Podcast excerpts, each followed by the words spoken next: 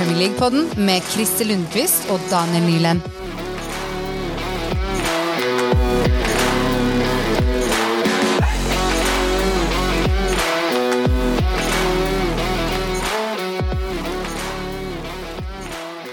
Hei og velkommen til episode 17 av Premier League-podden med meg, Christer, og med fyren som har gitt opp Fantasy.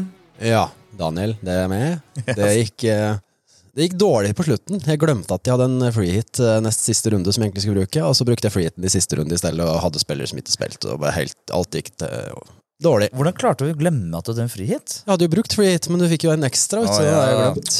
Ja, men eh, jeg har vært topp million, da. Ja, men Det er sterkt. er. Jeg tror jeg kom Ikke sterkt i det hele tatt. Du mi- missa topp 100 000. gjorde akkurat noe så irriterende. Det gikk på en skikkelig blemme med at uh, rett og slett ikke stole på sånn, og så gjorde jeg en eh, dårlig valg med å velge Ings over Richarlison, og da var det gjort. Da kom jeg utafor topp 100 000. Jeg hadde sånn som kaptein i siste runde, den traff jeg minste på. Ja, jeg valgte å ikke gjøre det, for at jeg, jeg knive om en liten miniliga. Og han visste jeg kom til å ta cappa sånn, så jeg måtte jo skulle ha en sjanse til å ta igjen. Så måtte jeg diffe, ikke sant? Ja. Er jo fantasy. det er ikke det denne podkasten handler om. Nei, det men det handler om. Premier League, og nå er jo sesongen over. Det er den, og da er det jo kanskje på tide å ta en liten gjennomgang av åssen det endte Det- for de forskjellige laga. Det kommer vi til, og det skal vi absolutt gjøre. Men hva tenker du? Hva syns du? Hva, ikke følelser sitter med nå? Det er jo faktisk ikke VM i sommer heller. Akkurat det er jo eh, på en måte det verste med at sesongen er over, at det ikke er et VM. For det, det er jo det det burde skulle ha vært. Det, men eh, sånn er det, og inntrykket av sesongen eh, man sitter igjen med, føler jeg at det er eh, har vært en veldig artig sesong å følge. Det har vært spenning hele veien inn, og det er veldig, veldig bra. Det har vært en sånn ren såpeopera denne sesongen her, synes jeg. ja. Eh, som United-supporter er det ikke akkurat mye å skrive hjemme om, men det, det er eh, mye som tyder på at eh, Premier League fortsatt er eh, en av de Kanskje den artigste ligaen å følge i, i verden, altså. For ja, syns jo jeg, iallfall. Ifølge oss, vil jeg si. Ja, det gjør det, ja. Vi heter jo tross alt Premier League-podden. Ja. Men jeg tenker at eh, før vi egentlig åpner starter podkasten, skal jeg kanskje ta og Det er litt glede, for denne gangen er det jeg som har laget nerdespørsmålet til episoden. Mhm, mm, ja, Tenk- jeg er litt nervøs for det her. Ja, jeg tenkte at eh, nå har du drevet og stilt meg til veggs i så mange episoder. Nå skal jeg faktisk jeg stille deg til veggs. Men jeg har tenkt å gjøre en liten vri på dette. Du har tenkt å stille meg et enkelt spørsmål som jeg kan, eller? Eh, Eh, ikke en så kjedelig vri. nei. Men i stedet for liksom å si, du skal gjette og sammenligne, Ja, så har jeg nå tenkt meg ut en spiller. da tenkte jeg ut en spiller. Ja. Mm. Og jeg har nå eh, laget diverse hint til den spilleren her. Ah, Så skal du klare å På færrest mulig hint? på færrest mulig hint klare å eh, finne ut hvem spiller jeg tenker på. Ah, ja, det er litt artig. Det, ikke sant? Det er artig. Eller, det er artig før du begynner, kanskje. Ja. vi får se. Vi får se. Jeg, hvor morsomt jeg Jeg, syns det er etter femte hint og fortsatt ikke klarer det. ja, det, da, da blir jeg Ja, vi får se. Jeg har vært litt sånn vanskelig her i starten. Så blir det altså De siste hinta skal du jo naile det, er, det, er det mulig for meg å klare det på første hint? jeg blir mektig imponert. Ok, Ja. da får vi satse på at For at, uh, siden, Da starter vi, og siden du har jo en aldersfetisj Han er 27 år gammel. Ja, men i alle dager, det er jo Det er bare å kjøre på neste hint. Nei, nei, vi tar gjett en gang, da. Ja, en 27 år gammel spiller. Eh, Cancelo. Nei. Han er vel rundt der, tror jeg. Kanskje. Ja, jeg tror han er 27, han er rundt der i. I eh, hint 2. I 2021 ble han den første Premier League-spilleren som spilte hver eneste minutt av to påfølgende Premier League-sesonger. Hvert eneste minutt. Oi, altså han spilte hvert eneste minutt i 2019, 2020, 2020, 2021? Mm. Oi, oi, oi. Hvert eneste minutt. Allerede der begynner det å begrense seg ganske mye. Ja, faktisk. 27 år. Jeg, Jeg tipp, må jo bare tippe noen. Mm. Tarkovskij. Feil. Hint 3. Nei, han har jo vært, har vært skada. ja, skal. Hint 3. han er midtbanespiller og er nåværende kaptein for klubben. Oi! Ja, nå burde jeg jo klare det. Ja, det snevrer seg mer og mer inn her. Kaptein. Det vil si at da har du 20 alternativer her. Ja, eller det er jo det er flere Det er folk som varierer på, på kapteina. Jeg tror han, han har vel skadet. Jeg tenkte Henderson. Ja, nå må jeg nesten Ja, øh, 27 år òg. Helsike, da. Nå må jeg gjette igjen. Midtbane 27. Svarte. Jeg må bare si Henderson, for det er det eneste jeg kommer på akkurat nå. Det er feil. Hint nummer fire. Han har hittil bare spilt i én klubb og spilt over 300 kamper for klubben. Det høres jo fortsatt ut som Henderson. Ja, det gjør visst det, når du sier det, men ja. Men én klubb kaptein. 27 år. Og det er Premier League. Han spilte to hele sesonger, alle kamper. Han har spilt bare i én klubb. Han har spilt bare i Premier League. han. Nå begynner lytterne å kjede seg. Ja, det, det skjønner jeg godt. Eh, nei, Jo nei. Nei? Eh, Pass. Pass. Ok. Da hjelper kanskje ikke dette her heller, men han er engelsk og spiller på landslaget. Spiller fast på landslaget. Mm. Midtbanespiller. Mm. Altså sentral midtbanespiller. Sentral midtbanespiller. Spiller for landslaget. Engelsk landslaget. Har tatt ut nå. Når jeg sier navnet, så kommer det til å bli sånn derre Å, selvfølgelig! Og bli helt sånn derre Ja, det regner jeg med at jeg kommer til å bli. Men eh, landslaget Ja, ja. ja, ok. Nå tror jeg jeg har det. Ja da. Er det eh, James Ward Prowse? Helt riktig. Ja. Bra, Daniel! Se der, ja! Ah, det var irriterende. Jeg tenkte ikke på han Jeg tenkte ikke på kapteinen der, vet du. At han er kaptein. Ja, han er han, er så kaptein at det Kjempe... Det, Ai, ai, jeg hadde ai. to hint til etter det, så du, du klarte å fullføre før Det er skuffende at jeg ikke klarer det på midtbanespiller og kaptein. Burde jeg klart det på, egentlig. Egentlig, for det sto egentlig strengt tatt nesten bare mellom to. Men uh, de to siste hintene, hvis du bare vil høre det, det var jo, da hadde du jo skjønt det. Anerkjent som en av verdens beste dødballspillere. Ja. Og siste, feire mål med en golfsving, var det siste hintet jeg tok. Mhm, mhm. Hvis du ikke hadde tatt det da, så hadde det vært litt flaut. Ja, det er sant. det er sant Nei, Jeg tror jeg tenkte litt for komplisert, faktisk. Men ja, og, men eh, ja, den der at han spilte alle kamper, jeg tror jeg tenkte litt for mye på det. I forhold til andre hintet. Men det er artig. artig Nei, altså, det, han er jo en, altså, det er imponerende spiller. Altså, jeg, jeg, han, har jo faktisk bare, han er jo en del fra Southampton, fra akademiet hele veien. Det er liksom sjelden Det er ikke så mange av dem som har vært der nesten Nei, helt holdt, hittil. som de har klart å holde på, nei. Så det- klarer å holde på neste sesong. Det er det jeg tenker òg, for at eh, er det en gutt som kanskje har antagelig vokst ut av klubben sin, så er det vel han. Ja, det er jo det. Så, Men du, da er vel podkasten så å si herved åpen, hvis jeg har lov til å si det? Ja, og da er det jo på sin plass før vi starter på liksom første sak her, er vel å nevne at eh, det har jo vært både Europa League og Conference League-finaler.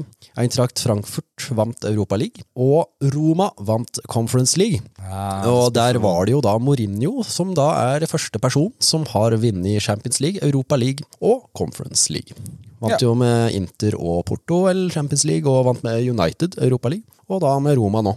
Altså, Han er jo en special one for en grunn, ikke sant? Selvfølgelig må han ta den. Ja, men du ser jo at det, det blir nedover, nedover og nedover på trappetrinna på og han vinner, men ja. eh, Still, det er han første som fikk muligheten til å vinne Conference League, og han er jo da den eneste som har vunnet alle tre europeiske turneringene som er nå. Så all kudos, all gratulerer til eh, de vinnende lagene. Mm, og så blir det spennende å følge Champions League nå på lørdag. Absolutt. Men jeg tenker likevel at vi går til neste spalte, som jeg nå steller for å kalle for runden som var, omdøper til sesongen som var.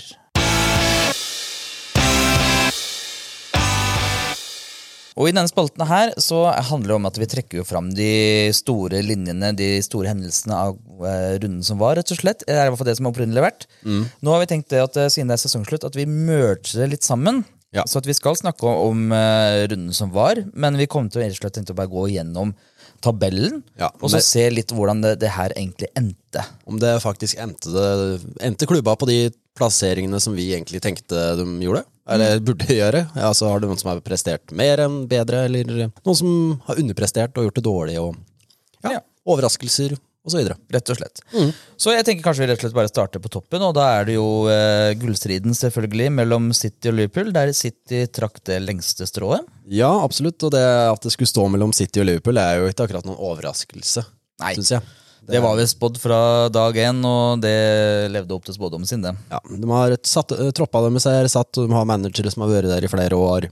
Er liksom en, to av verdens beste lag, og så, det så var ganske, ja, etter 25 runder i alle fall, så var det veldig tydelig at det var dum to det sto mellom. Men jeg må si, jeg har lyst til å trekke fram Chelsea inn i bildet her. For at eh, jeg tenkte jo i starten av sesongen, når de kjøpte Lukaku og hadde jo egentlig en kjempestart, så trodde jeg kanskje at eh, Chelsea skulle ta sesongen. Ja, ja, for jeg var litt overraska over at Chelsea sitter nærmere, med tanke på troppen de har og sånn. Og de leda jo etter 14 kamper. Så det, det, det, var jo, det så jo veldig lovende ut. Veldig god start. Ja, Men etter, den, etter 14 kamper da, så taper de liksom jevnt og trutt litt poeng til, eh, til City og Liverpool. Og da, etter 25 kamper så er de 10 poeng bak Liverpool og 13 poeng bak City. Det, det startet jo når Shilwell ble skada. Og Ja, litt, fra, eh, ja, fra da så eh, bare falt korthuset litt sammen. Jeg har sett litt på formtabellen til Chelsea, og det de siste 30 kamper og siste 25 kamper så er de på femteplass. Altså de siste 30 kamper så er de femteplass. Siste 20 kamper er de på sjetteplass.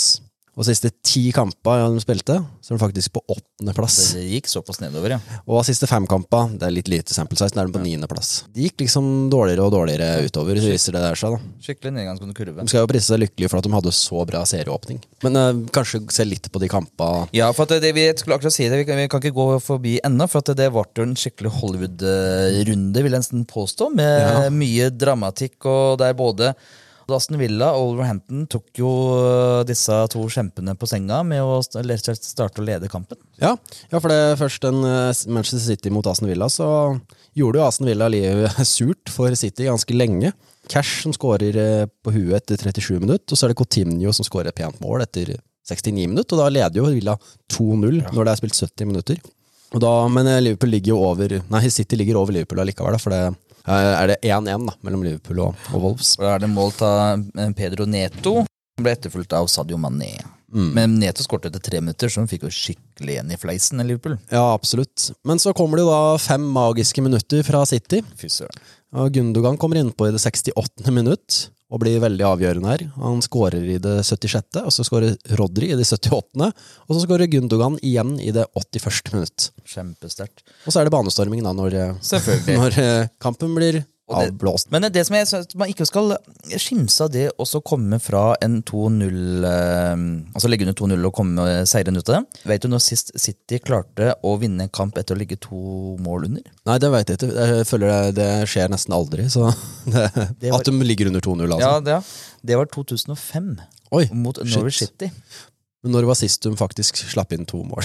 altså, Det har ikke jeg det har jeg ikke sjekka. Men det er, det er nesten sånn eh, man kan Ja. tenke at det er så lenge siden omtrent de har eh, men det er, altså, det, det, er klart, det er godt poeng å si at det er ikke ofte de ligger, Ligger under under 2-0. 2-0. Men jeg liker å tenke det er jo en, eh, det å, å ligge under så mye og komme seirende ut, det er eh, en Sterkt. sterk prestasjon. Altså. For det, det ble jo ikke NN mellom Liverpool og Wolves.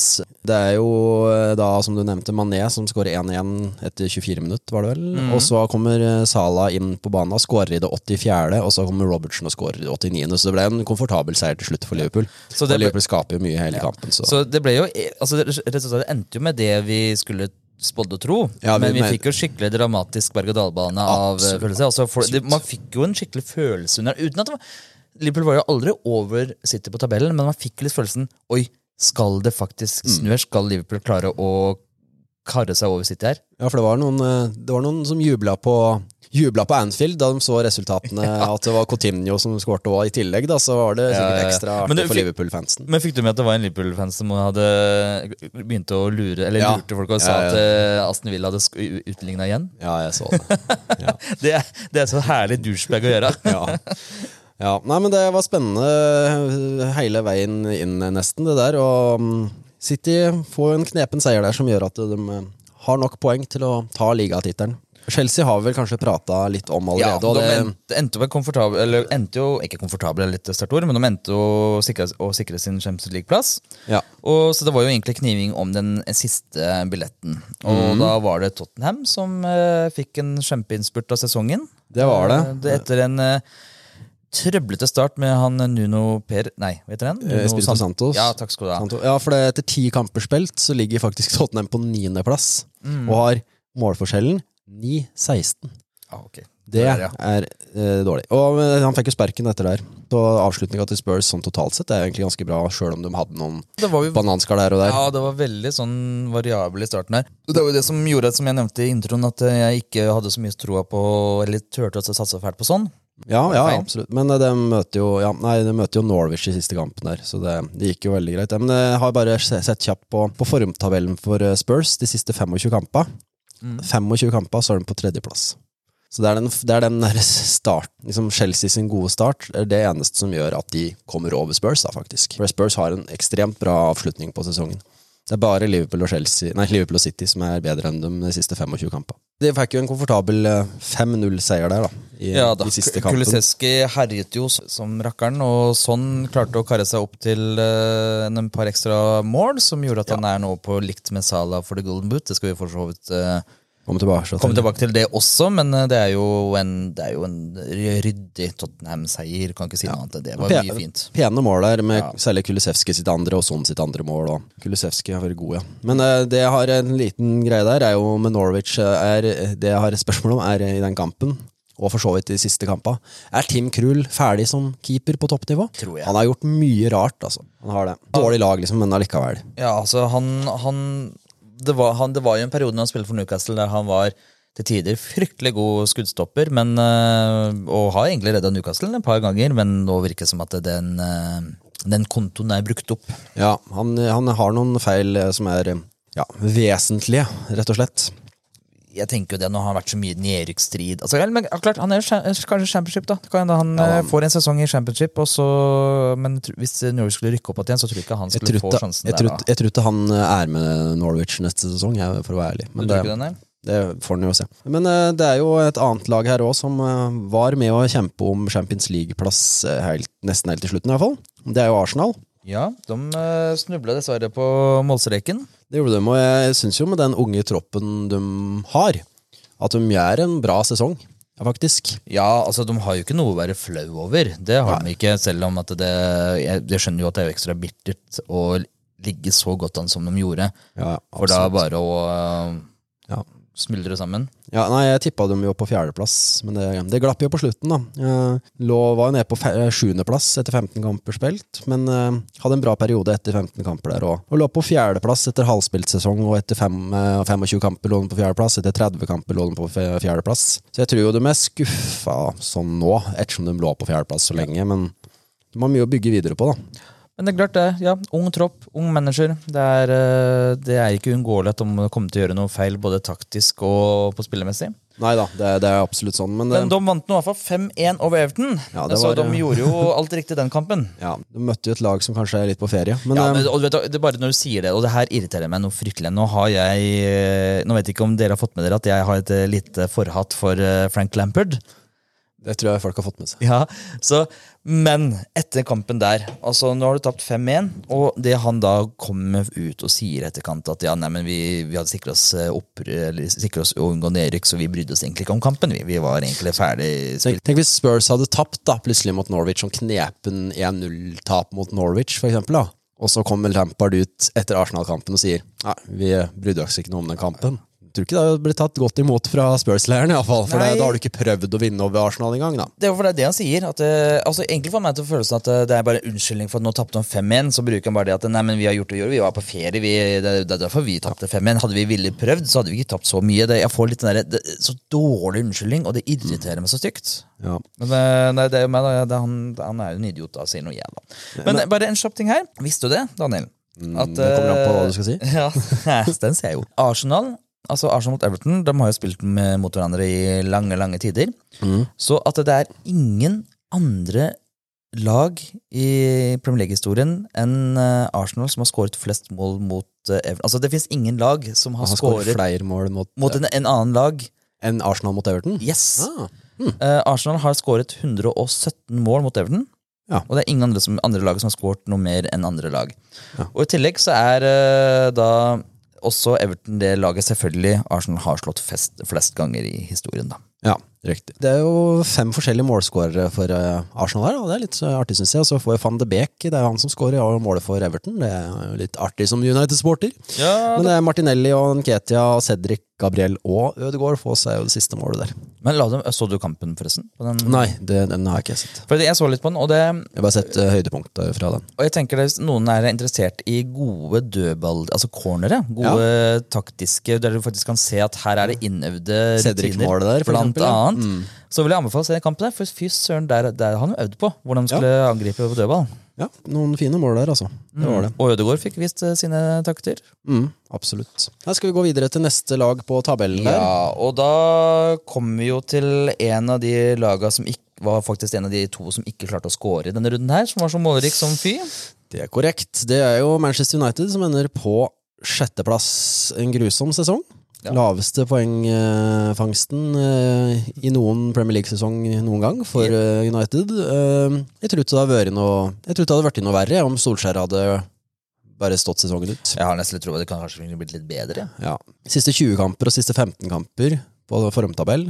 United på 11. plass. Siste 10 kamper, United 15. plass. Siste 10 kamper. Jeg hadde liksom ikke trodd at det skulle bli så ille som det har vært nå, særlig siste halvåret. da. Det er helt krise, rett og slett. Men, eh, Men jeg, altså jeg vet ikke helt hva jeg skal plassere United. For Så dårlig som det har vært, om jeg skal være imponert at de har kommet seg på sjetteplass, med så dårlig de har vært, eller at det har vært så dårlig at de har kommet på sjetteplass. Jeg, jeg klarer ikke helt å bli enig med meg det sjøl er her. nesten imponerende at de klarer Europa League-spill med sånn som de har sett ut. i Ja, for det har jo vært perioder vært fryktelig dårlig. Ja. De taper jo M0 for Palace i siste runden her, da. Det, det sementerer jo bare åssen sesongen har vært ja. totalt sett for United. Det, det er jo det. Det er Saha som skårer for, for Palace, eh, og ender med 14 mål. Og det er det. De har aldri skåret flere ligamål i løpet av en sesong i Premier League. Så han er, har sin rekord her. Sjøl om United har alt å spille for, da, med tanke på at de får, kan tape Europa League-plassen sin til Westham, så klarer de allikevel å, å, å tape denne kampen. Og De Gea lei nå. Sa etter kampen at uh, de som ikke vil være i klubben, kan bare reise. Men han poengterte at han ville bli i klubben. Han vil nok det, tror jeg. Mm. Men eh, United ender jo opp på null i målforskjell. Ja, det- 57-57. Det er litt imponerende, egentlig. Og Palace, som de møter Palace ender på tolvteplass og har pluss fire i målforskjell.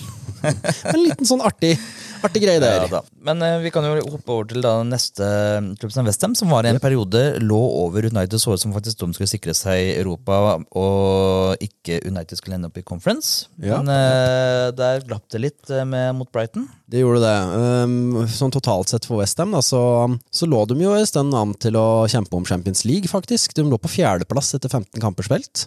De gjorde det jo ganske svakt i andre halvdel av sesongen sammenligna med første halvdel, da, og endte jo da med sjuendeplassen. Men um, de fikk jo conference og europaspill neste sesong, så de, totalt sett så bør de jo være litt fornøyd, ettersom de ikke kjøpte noen i januar òg. Ja, Og det er jo antagelig det som kosta dem, tenker jeg. Ja, men eh, ja, nei, sjuendeplass på Westham, det totalt sett, så er jo det eh, som kanskje forventa. Det er jeg ikke så overraska over. Men det er verdt å nevne at eh, Mark Noble spilte da sin eh, 414. kamp og sin siste Premier League-opptreden for Westham. Stemmer, stemmer. Så det er verdt å nevne.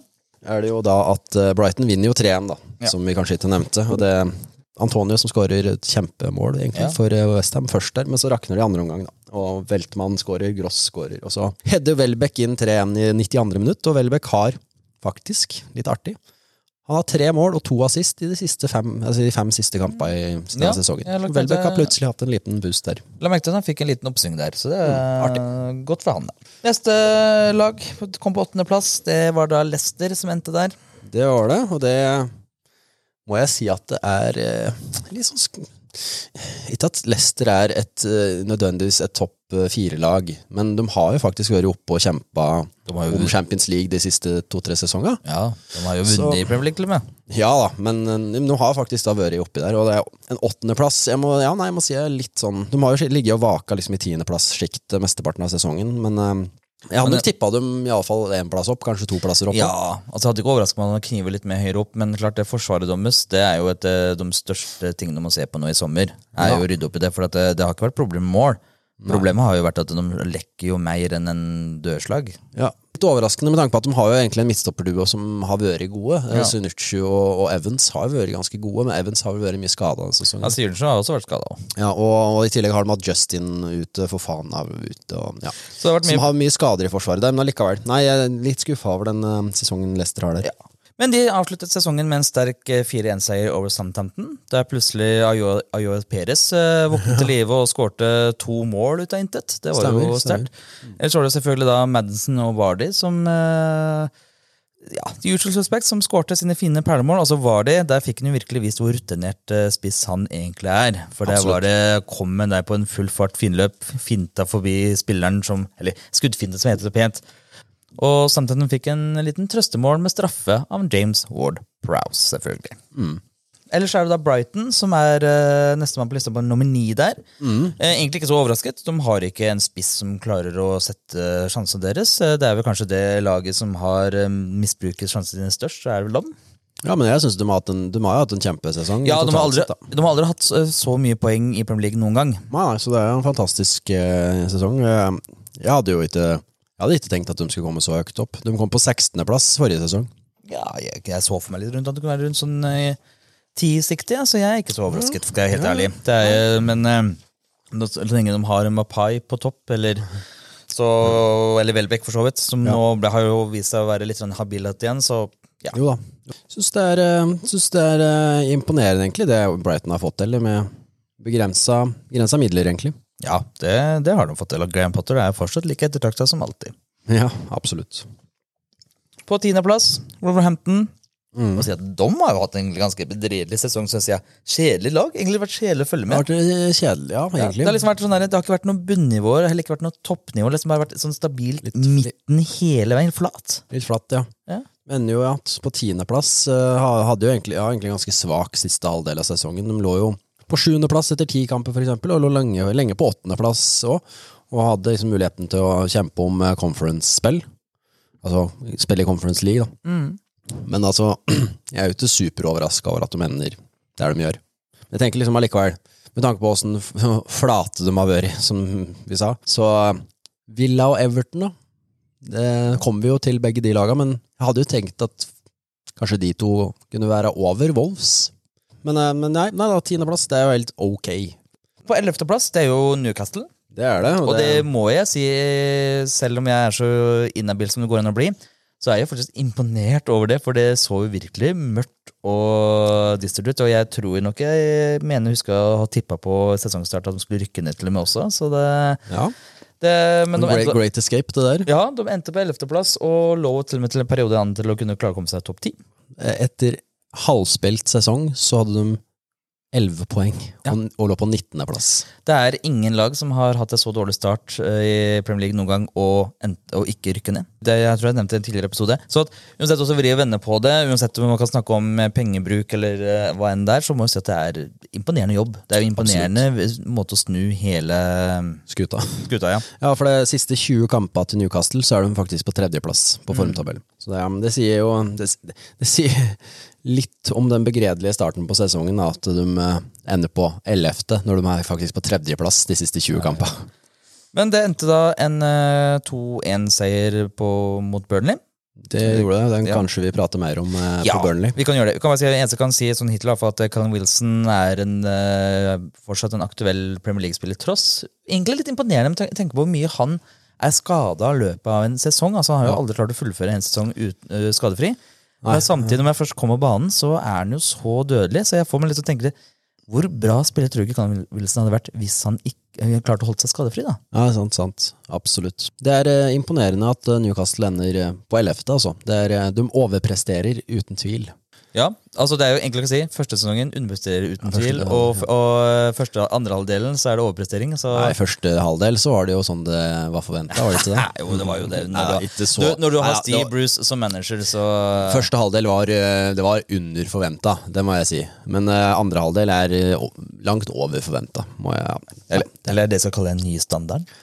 Vi får se neste sesong. Vi får se neste sesong. Men uh, en som har satt en ny standard og gjort Crystal Palace til en, hva si, en fra en kjedelig klubb til en blir mer spennende klubb, så er det jo Ja, jeg sa jo det. Crystal Palace det er jo, Ja, han eh, har jo skal ha halv honnør, selv om du endte på tolvteplass. Så er det jo um, fortsatt vært en bra sesong. Tolvteplass, det er jo ikke fantastisk, men det er bra. Det er en helt grei plassering for Palace, men det de tar, burde ta med seg videre her, er jo liksom at de tidvis spiller jo veldig bra fotball, rett og slett. Mm.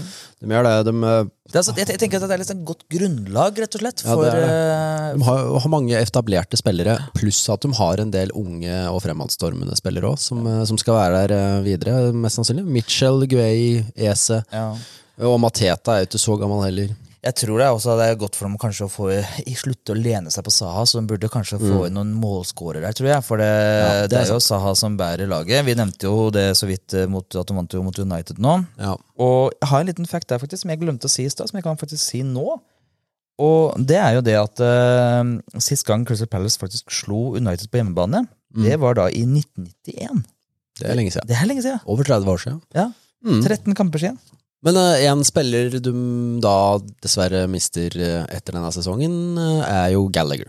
Ja. Det tror jeg blir et stort savn. for Han er jo på utlån fra Chelsea, så nå, ja, nå er jo faktisk mulighet til også at han kan fortsette Chelsea. Det får jo Ja, komme det tilbake til også. Tuch- Tuchel har vel ha, liksom si, hinta om at han kan ha en, eh, en rolle å spille i Chelsea neste sesong, faktisk. Så, men han kommer til å bli stor, eh, stort uh, savn, for han gjorde mye for Crystal Palace denne sesongen. her. Han gjorde det. han gjorde det. Men nei, totalt sett god sesong egentlig av Palace, altså. Så neste på 13.-plass er jo Brentford. Tok jo egentlig Premier League med storm, i hvert fall første delen av sesongen. Mm, så hadde de en ganske dårlig periode ja, Jeg har ikke sett på akkurat det, men det var liksom fra kamp 15 til 25-aktig. Så var det en ganske dårlig, dårlig periode. Så skummelt ut der og lå nære nedrykksstreken, men eh, de kom jo godt ut av det til slutt. Siste ti kampene sine så er de på fjerdeplass, faktisk, på et formtabell. Jeg trodde de skulle ende nærmere nedrykk enn det de gjorde. De ender jo på 13., da, så det er ikke langt nå nedrykksstreken, men jeg hadde tenkt kanskje de heller endte på 15.-16. Men de var, altså det er jo det som er egentlig mest imponerende, at de var jo de var jo alltid ligge litt mer komfortable i Premier League enn det man skulle tro. Skulle tro at det skulle være litt mer stress rundt dem om de kom til å overleve eller ikke, men de Ja, det er- så jo egentlig aldri helt ut som de kom til å rykke ned uten den lille dårlige Ja, for en liten periode der det så skummelt ut, men, eh, men totalt sett, ja, de har vært ganske sikre, på en måte, i store deler av sesongen. Men det man skulle tro, er jo at, at eh, neste lag på tabellen skulle endt over Brentford, og det er jo Aston Villa. Ja, noe skuffende sesong total, totalt sett, syns jeg, altså. Jeg hadde tenkt dem eh, høyere enn eh, enn 14.-plassen de ender på. Jeg tror ikke supportere og laget som helhet kanskje er helt fornøyd med det. Nei, altså De kom jo med sesongen her med veldig stor momentum. da Altså Fra sommeren med altså Plutselig kom Steven Gerrard inn, og så plutselig kom Continuo inn. Det var liksom Ja, etter, ja, fra Ings kom inn.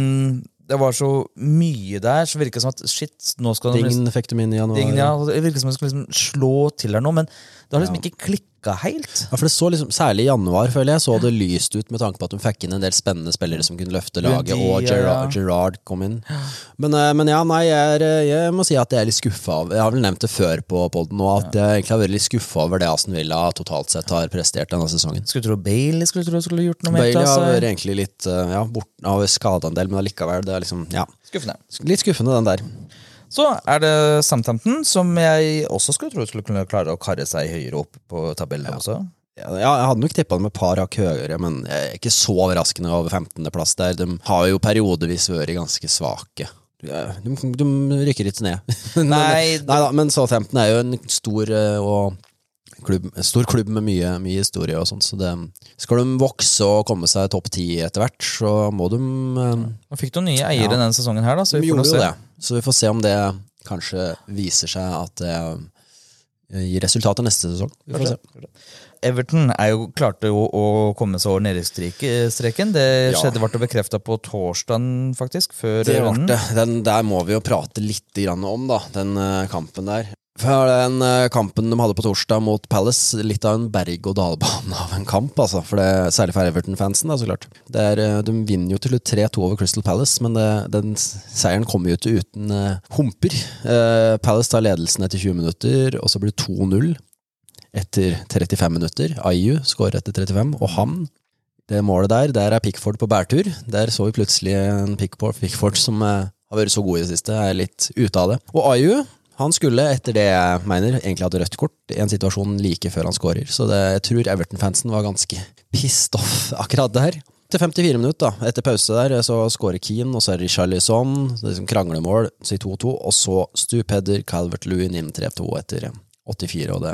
Da kommer det en liten prematur banestorming etter Ja. 84 minutter. Jeg tenkte sånn, er det, kommer det noen sanksjoner mot Everton nå etter det der? Altså, det Burde jo det. I tillegg, kampen heter vunnet når det er seks minutter at Det er- eh, sånn. Jeg har sett lag bruke mindre tid på å skåre to-tre mål enn uh, seks minutter. Yes. Blant annet City nå nettopp. Ja, akkurat det. Så det men, eh, men med den seieren så sikra de seg jo Premier League-spill neste sesong, og, og det ble banestorming igjen, da, etter det faktisk var ferdig. Så, men, ja, nei, eh, men totalt sett, da, for Everton Skuffende sesong, altså. Ja, vet du, tenk på hvor mye penger de har brukt, med tanke på de forutsetningene og alt. Altså, det er jo en skakkskjørt klubb, det har vi jo snakka om i en tidligere episode.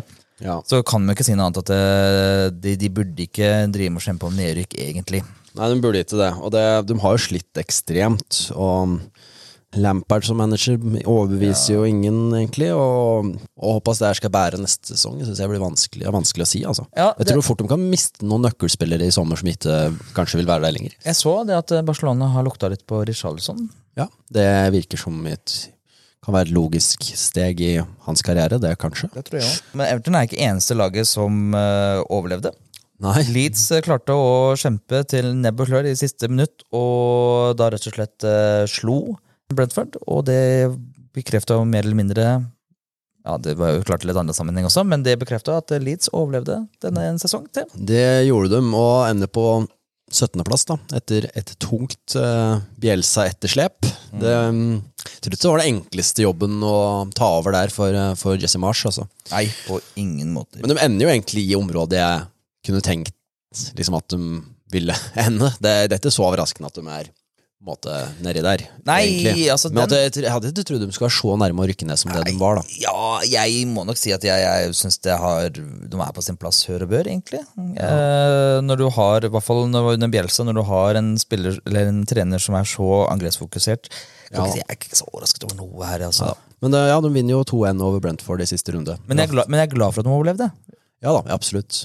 Rafinha skårer etter 56, og så er det Canjos som skårer for Brentford i det 78. Og da han var ikke ferdig med det. For etter, etter han skårer i det 78., da, Canjos, eh, så får han gult kort, for han tar av seg trøya.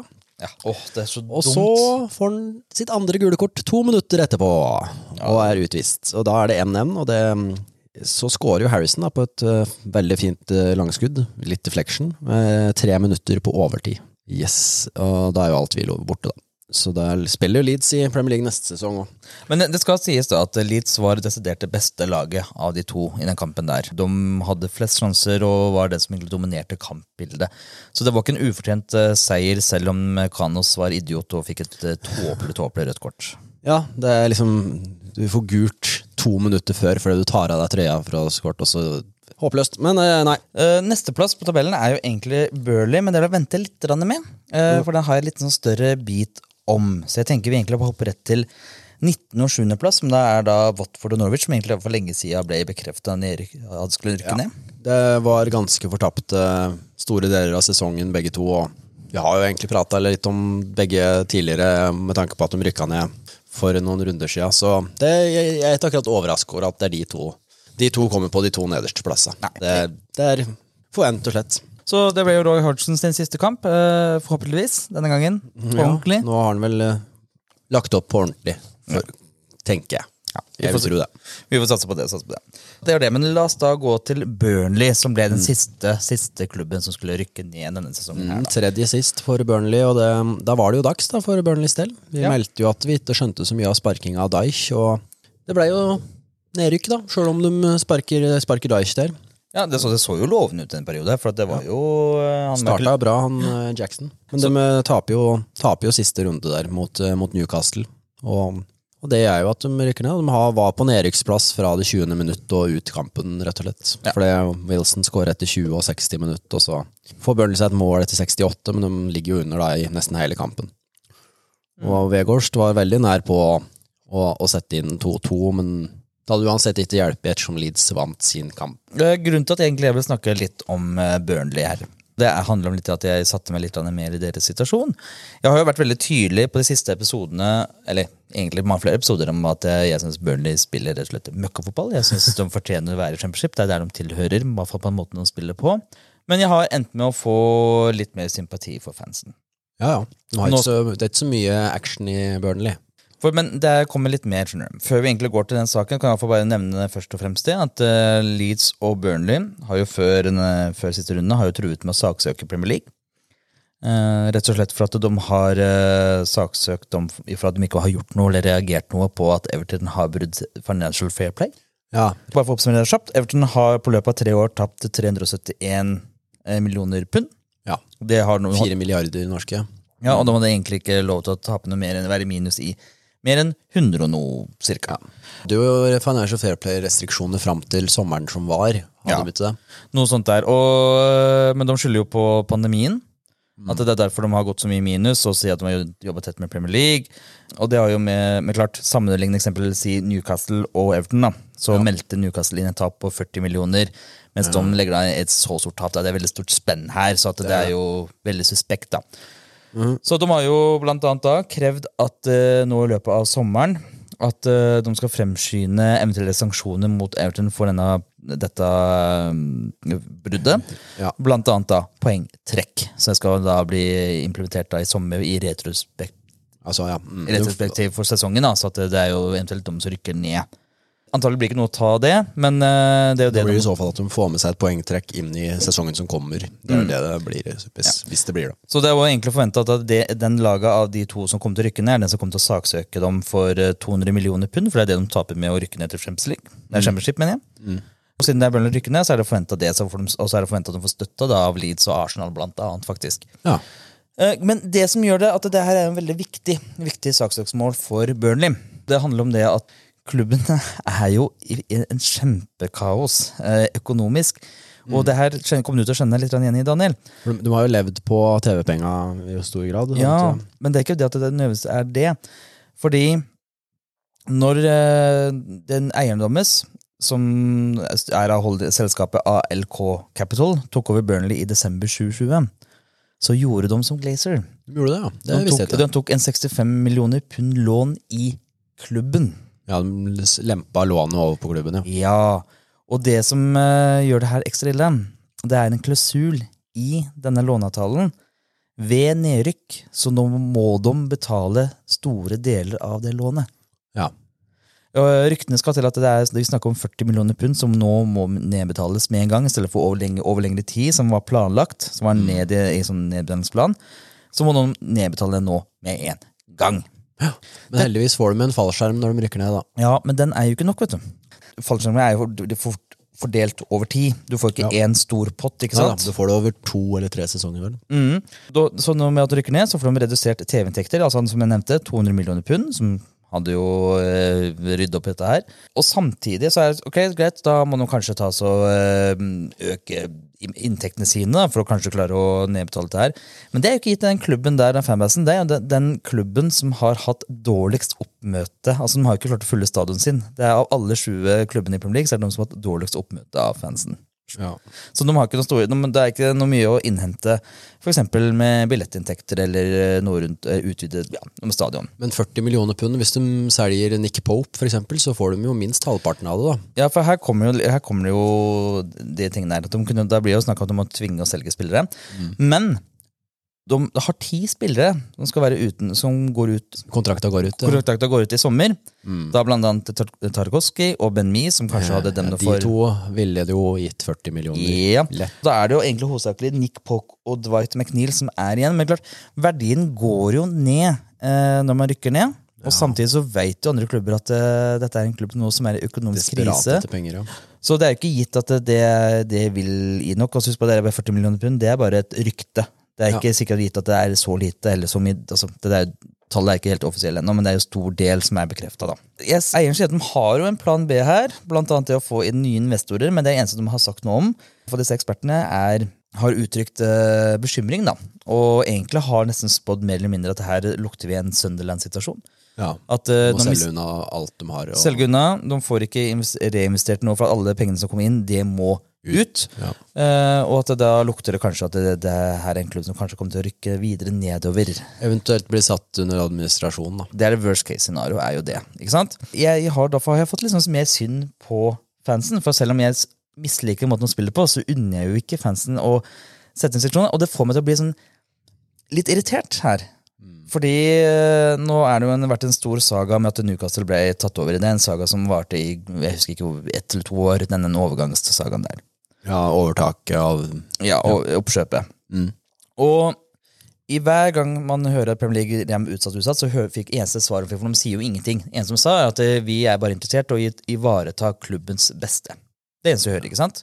Og da får meg til å tenke, hva i all verden er det klubbens beste med å få eiere som bare tar lånet. over til klubben? Ikke klubbens beste, nei. Du ser åssen det er i United òg. Ja, ikke sant? Så dette tenker jeg du skjønner igjen i. Absolutt. Hva- det gir jo ikke mening. Det her er ikke snakk om å betrygge klubben. Egentlig er det å sette dem i en vanskelig posisjon. Det her burde jo ikke vært lov. Nei, nei, og for United sin del òg, så er det jo Glazer-familien eh, Det er jo det, det jeg vet mest om, altså United. Og der er det jo i tillegg til at Glazer-familien tok opp lån for å kjøpe klubben, som de lempa da på klubben, så klubben må nedbetale. I tillegg så tar jo Glazer-familien ut utbytte av klubben hvert år, omtrent. Det det er forskjell på eiere, for å si det sånn. Det er det.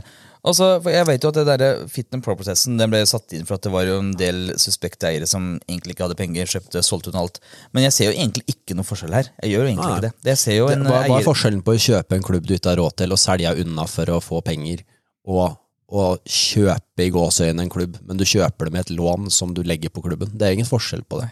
Jeg tenkte at eh, jeg, jeg har nesten lyst til å bare si litt unnskyld til Burnley-fansen. For at ja, jeg har ønsket om nedrykk, men jeg ønsker jo ikke om situasjonen her. Jeg, eh, nå ønsker jeg virkelig at Frank Lampert eh, og Everton At det er de som rykker ned. er ikke det. Men altså, så at jeg ønsker se- altså, klart, Foreløpig skal det her ordne seg, men akkurat nå så ser det jo litt uh, mørkt og tungt ut for uh, den klubben. Og jeg tror ikke en direkte opprykk vil være så realistisk. Nei, det tror ikke jeg heller. Med tanke på at de har så mange spillere på utegående kontrakt også, så blir det tungt, tungt, eh, tungt for eh, Burnley fort, Ja. All lykke til. Takk for de åra det var i Premier League, og lykke til i Championship. Det var vel Det ble kanskje ganske lang, eh, Lang gjennomgang. gjennomgang, men slik endte spalten, slik endte, nei, slik endte tabellen, slik endte runden. Ja, og så bør vi vel kanskje bare nevne helt på tampen her, og dem som faktisk rykker opp. Ja, for det, det er jo det vi ser neste sesong. Mm, og Og- det er jo først og fremst Fulham. Jepp. Med rekordmålskårer og hele pakka, så det Ja, er jo spennende å se. Rykka opp for ei stund siden, faktisk. Eh, ender på 90 poeng. Klar, altså ikke klar i førsteplass, de dabba ganske av etter at de hadde sikra opprykket, men det blir eh, fint å få Fulham tilbake. Håper de òg kan kanskje holde seg. Jeg er glad, jeg syns Fulham Ja. er en fin klubb. Jeg. Jeg liker Fulham, jeg også. Ja. Andreplass i championship var da Bournemouth. Eh, 88 poeng. De hadde en god total, totalt sett en god sesong. Solanke er deres toppskårer med 29 mål og 7 assist. Det blir et eh, koselig gjensyn med, med sørkystbyen Bournemouth der. Ja. Dean Med- Court. Med, med en av de minste uh, Den minste. Den minste stadion i Premier League sin historie. Yes, det er korrekt. 11 364 eller et eller annet. Jeg husker ikke. Men uh, det tredje laget skal rykke opp, det er ikke avklart ennå, men vi Det vet er hvem det det står imellom. For en gangs skyld så er det jo da tredje- og fjerdeplassen som kom til finalen, eller opprykksfinalen, som spilles nå på søndag. Det er Huddersfield som kom på tredjeplass, og Nottingham Forest som kom på fjerdeplass. Og uten egentlig å ha noe forhold til noen av dem, så håper jeg at Nottingham Forest rykker opp, for det er lenge siden de har vært i Premier League. Vi gjør det, vi gjør det. Så, men uh, det er noen par andre ting vi skal snakke om, så vi får jo nesten bare lompe oss videre til neste spalte, som uh, kaller vi da for ukens viktigste saker.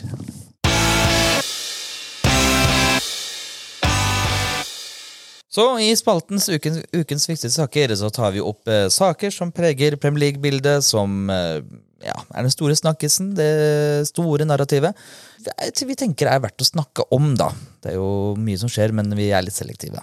Ja. Kan du kanskje gå da til eh, en saga som har fått en eh, lykkelig slutt? Ja, det, vi, tiden vil vel vise om det blir lykkelig, da. Ja, det, det er jo akkurat noe med det, da. Tror du ikke uansett at Hvordan vrir og vender på det, så er eh, Chelsea nå på vei inn i en ny epoke. Det er de. Nå har du faktisk eh, fått nye eiere, rett og slett. Det er bekreftet. Eh, Det er endelig bekrefta, så da, har- da har jeg tatt meg tida og satt meg litt inn i hvem disse eierne er, da. Det er jo da en ny amerikaner som har kommet inn i Premier League-bildet. Mm. Eh, En som heter da Todd Boyley, som da sammen med et konsern er da har kjøpt klubben. Ja, Majoritetsaksjer. Ja, altså majoritetsaksjene Han er nok ikke den, Han er frontgallion for hele greia, men han er ikke den som har eh, Han har bare 20, 20 av aksjene. Ja. Så han er ikke på en måte eh, toppfyren, men han er eh, frontansiktet for dette ja. kjøpet. Klubben ble jo kjøpt for eh, 4,25 milliarder pund. Eh, Det er en grei sum, det. Det gjør det rett og slett til det største kjøpet av et lag, klubb, innen sport. Punktum. Er det det, ja? Det er ingen Noensinne. inn- Det er nesten 50 milliarder norske kroner. Altså. Ja, det skulle bare mangle. For at det her kjøpet skulle gjennomføres, har de delt opp pengene litt her. For Abramovic skal jo ikke få noe av disse pengene her. Det er en del av eh, dealen for at eh, klubben skulle få selges igjennom. Så 3,1 milliarder pund har da gått til for å ta over aksjene fra Abramovic. De pengene de er da fryst på en konto i England og skal eh, doneres til velded veldedighet. Ja. 100% Det er iallfall det som Det står over. Det Det, er veldig bra. Veldig mye penger òg.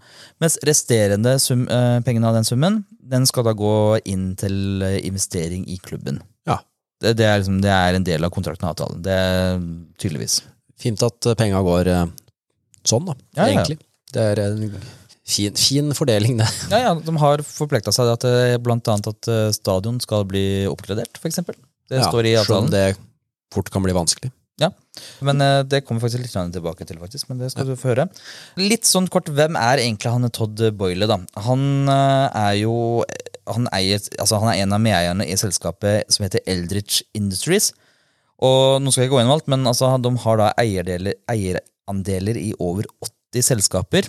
Ja, Det er sånn investeringsfirma. Yes. Ja. Som, eh, men har da eksempel hovedaksjer innen eh, baseballaget LA Dodgers, LA Lakers har de noe greier i, og så har de blant annet i Hollywood Foreign Press Association. Så at, eh, dette er jo en fyr som har en finger i det meste. ja, og forsikringsselskap og sånn. Ja, Forsikring, eh, underholdning, media. det er så mye at det, det er ikke noe poeng å eh, også gå inn i dette her, hva konkret det er. da. Eh, Men det er faktisk ikke første gang han har prøvd å kjøpe Chelsea. Han prøvde i 2019 for 3 milliarder pund, men eh, det ble avvist. Ja. Så det, Han har hatt en stor interesse for Chelsea for lenge, da, for han var en av favorittene når det først ble, ble tydelig at Chelsea var for salg.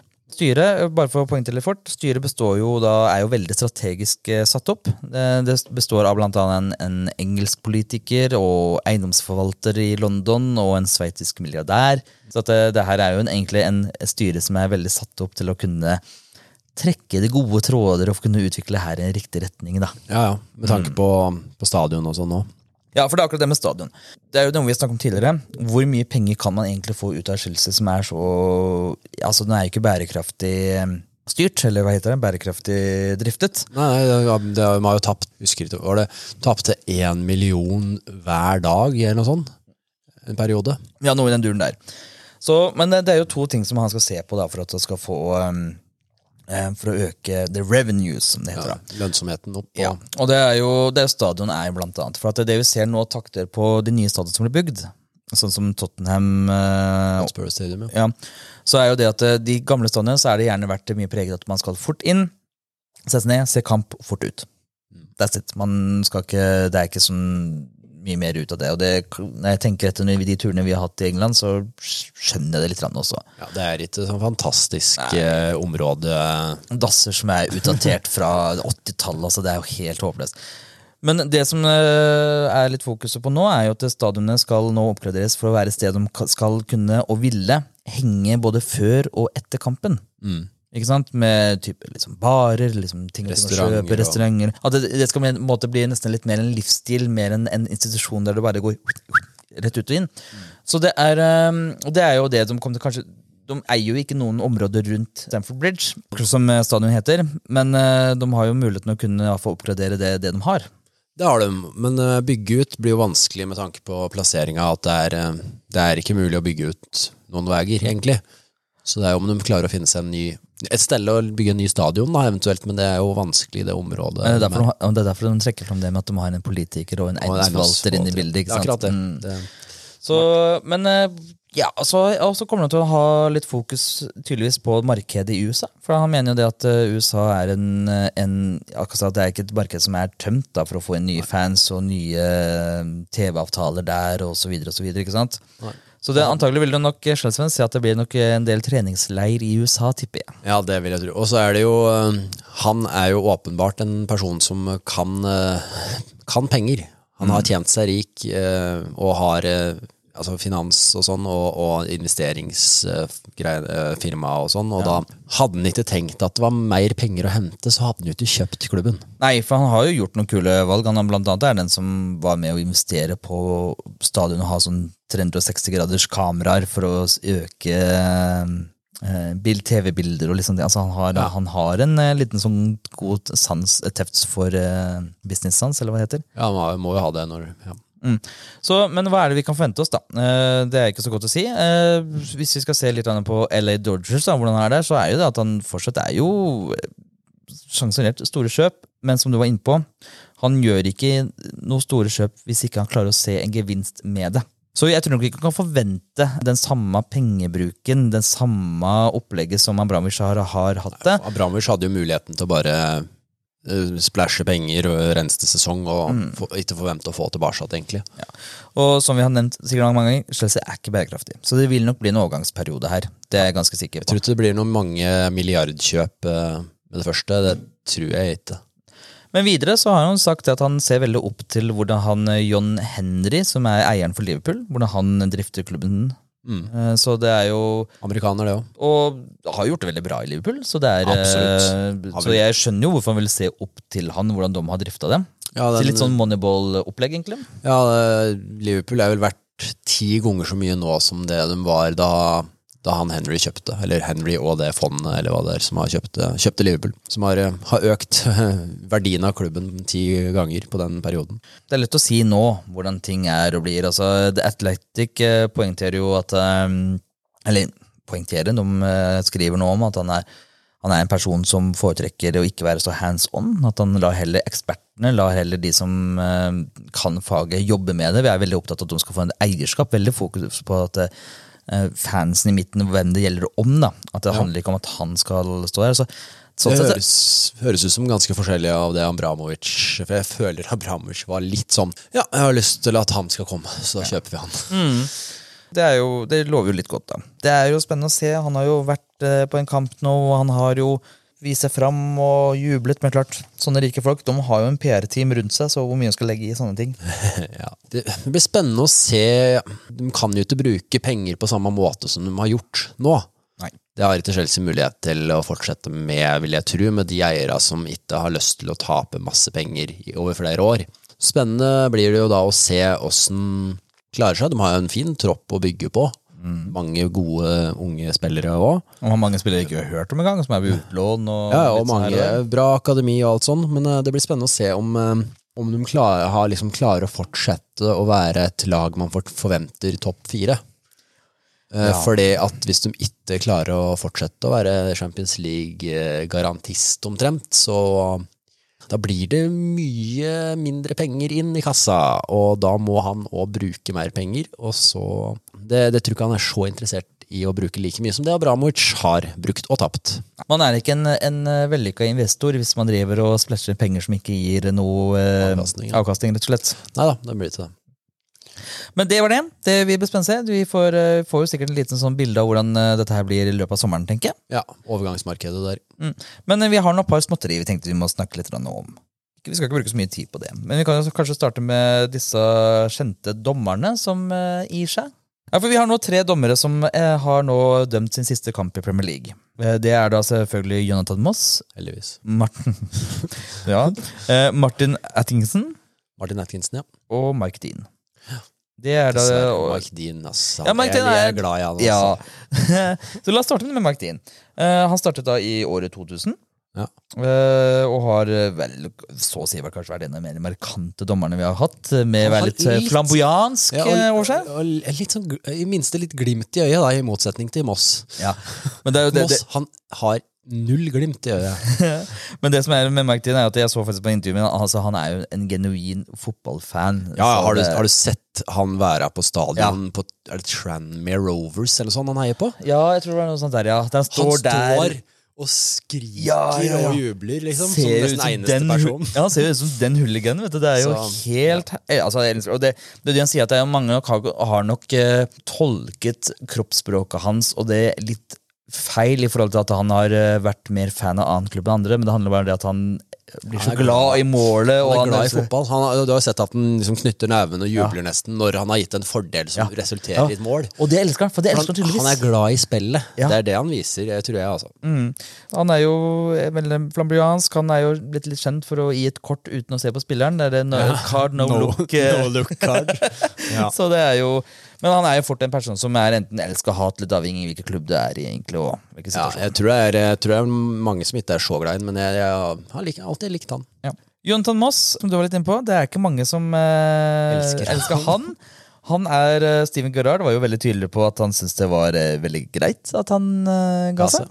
Ja, jeg nevnte eh, glimt i øyet, nei. eh, og han virker ikke som at han har, litt, har lyst til å være der når han dømmer omtrent. Og, ja, Men det det- virker som, han virker som en dommer som når spillere spør hva, hva var det jeg gjorde, så bare sier han du veit hva du gjorde.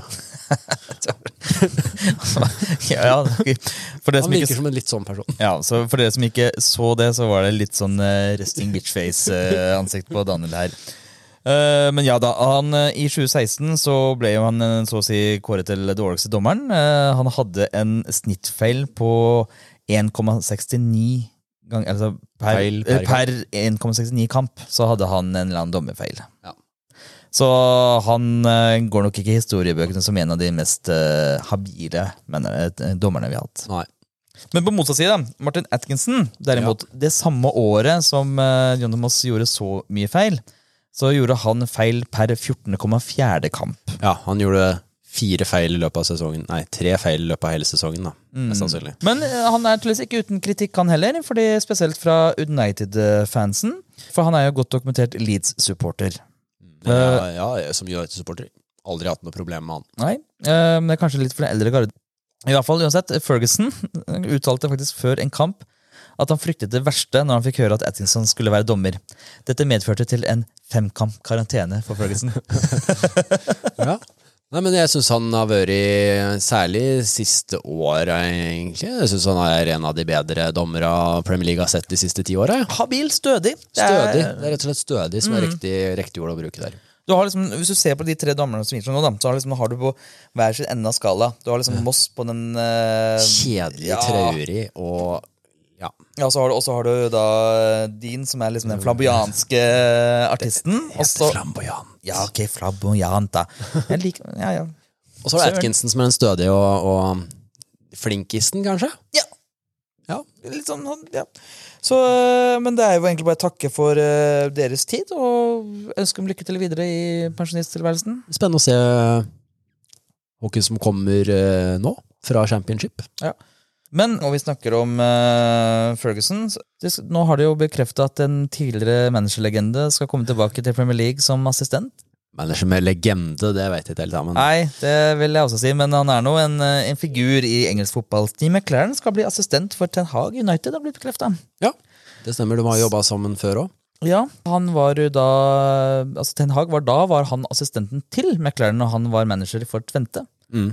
McLaren, og For de som er kanskje litt yngre garde av eh, United-fans, så var jo også McLaren assistenten til Ferguson en periode i Rundt tusenårsskiftet, Var det var da han vant til Tremble. Så ja, var han stemmer, stemmer. Ja, eh, 99 var jo det. Så ja, rundt tusenårsskiftet var han der. jeg, Han var jo bare to-tre år, tror jeg. Ja, jeg tror det. Jeg tror det var noe sånt der. Jeg hadde jo kjempesesong i Eller kjempekarriere i Tvente og gjort en grei jobb i Derby første omgang, iallfall. Uh, jeg hater fyren, for den tida han var i uh, Newcastle, så vil jeg vel nesten på å si at han var vel kanskje den ene store grunnen til at vi rykka ned denne sesongen, var jo for at han var helt, helt, helt håpløst håpløs å ha som manager. Jeg, hva, hva tenker du? Hva er, hva, hva er dine tanker om dette her? Det er bare, alt er bare logisk.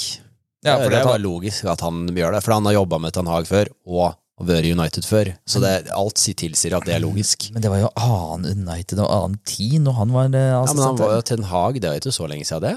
Nei, men jeg tenker da han var eh, assistent for United. Jo, jo, men det er tilknytning av alt. Men jeg tenker jo så, ja, Jeg har ikke noe sånn sterkt forhold til han uansett. Og han har erfaring eh, på flere nivåer i forskjellige klubber og i liga, forskjellige ligaer òg. Og kan òg være en fordel at Ten Hag har med seg noen som han har jobba med før, og en som har en tilknytning til United. Så ja, det kan jeg være- Det skal du ikke ha noen som har eh, erfaring med å være manager. Altså, du kan si, jeg kan si hva jeg vil om Steve McLaren, men han har jo faktisk erfaring med å være manager på toppnivå i England. Det har han, i tillegg. Ok, så vi Nå løper litt tid fra oss, så la oss bare gå til siste spalten for podkasten. Gjør det. Yes.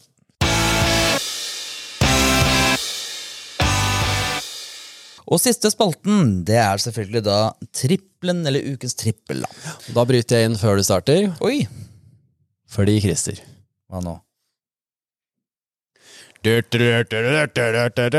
Kommer sexpacken, ja! Ah, se der, ja. Gylne, gylne Heineken. Vær så god, Christer. Tenk, Den har du fortjent. Vent litt. Ok, vet du hva? Det er jeg litt enig i at jeg har fortjent, men vi må jo, dette må markeres. Så kjære lyttere, hvis dere bærer med meg litt her nå Bear with me. Bear with, Hæ? Ordspill? Bear with me. Bare hør her nå, folkens. Hør dette. Golden.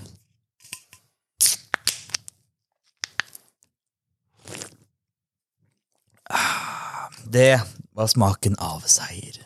Skal vi se om du er så storsinna at du spanderer den på meg. Ja da, du skal få en. Vær så god, vær så god. Du er en god mann, Christer.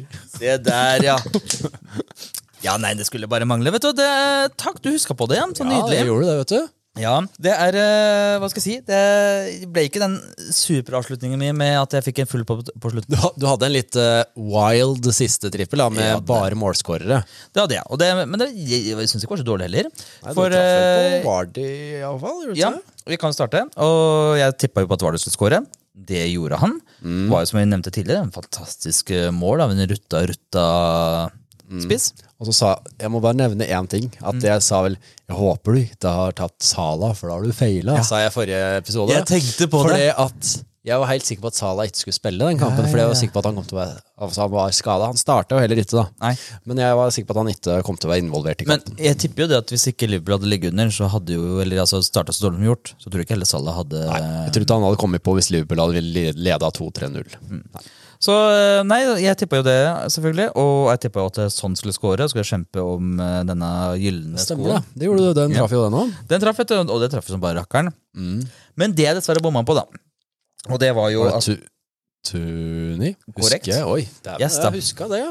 og det var jo at uh, Tuni skulle skåre mål også, men uh, vet du, det må jeg si at eh, det det var ikke nærheten engang. Altså, eh, jeg, jeg klarte ikke å se at han hadde noen spesielt store sjanser. Leeds var bare hakket nivå høyere. Ja, intensitetsmessig så var de De hadde jo uten tvil mer å spille for oss. Det er ikke Ja. så veldig overraskende. Så det ble jo da bare to ut av tre, men jeg er fornøyd med det. Nå har jeg fått med en sixpack med øl her, og eh, ja, jeg er fornøyd med det. Det er bare å gratulere, Christer. Og I tillegg så har jeg en limo utafor her. Så nei da. Ok. Kjører deg til Holmenkollen. Det, Ja, det, eh, det, blir, det blir med den sixpacken. blir, men jeg er mer enn nok fornøyd med det. Men Daniel, nå er det sesongslutt. Vi har snakka litt, og vi har bestemt oss for det at eh, det her skal ikke bli den siste episoden allikevel for sesongen. Nei, Vi har bestemt oss for å ha en, en episode til. Yes, Vi skal ha en, en episode der vi går gjennom både offisielle kåringer og våre egne kåringer. Ja, så en kåringsspesial, rett og slett. Ja. Ja. Kåre og Gro spesial. Den humoren abonner- abonnerer jeg på. Men vi tenker litt at øh, Ja, vi får se. Vi tar i hvert fall en sånn kåringsspesial. En såkalt ja, Bonusepisode. Ja, det blir en bonusepisode. Vi får se hvordan vi markerer det. Om vi kjører det som en episode 18 eller en bonusepisode, det får vi diskutere. Det er, bryr vi oss vel egentlig ikke så mye om. Jeg tror, ikke, jeg tror ingen bryr seg, Christer. Nei, det bryr ikke det. Så da er det egentlig rett og slett bare å avslutte episoden her. Ja, takke for følget. Takk for følget. Takk for sesongen. Nei, det kan vi si etter neste episode. Så da er det egentlig bare å si har du noen råd, har du noen tips, har du noen anbefalinger, så kontakt oss på vår Insta-gruppe som heter Instagram-kontoen vår heter pl-podden med to d-er. Yes. Og gjerne lik oss der. Nei da, jeg skal, ikke bli, jeg skal ikke bli helt der. Så den er greit. Vi snakkes. Ha en god uke.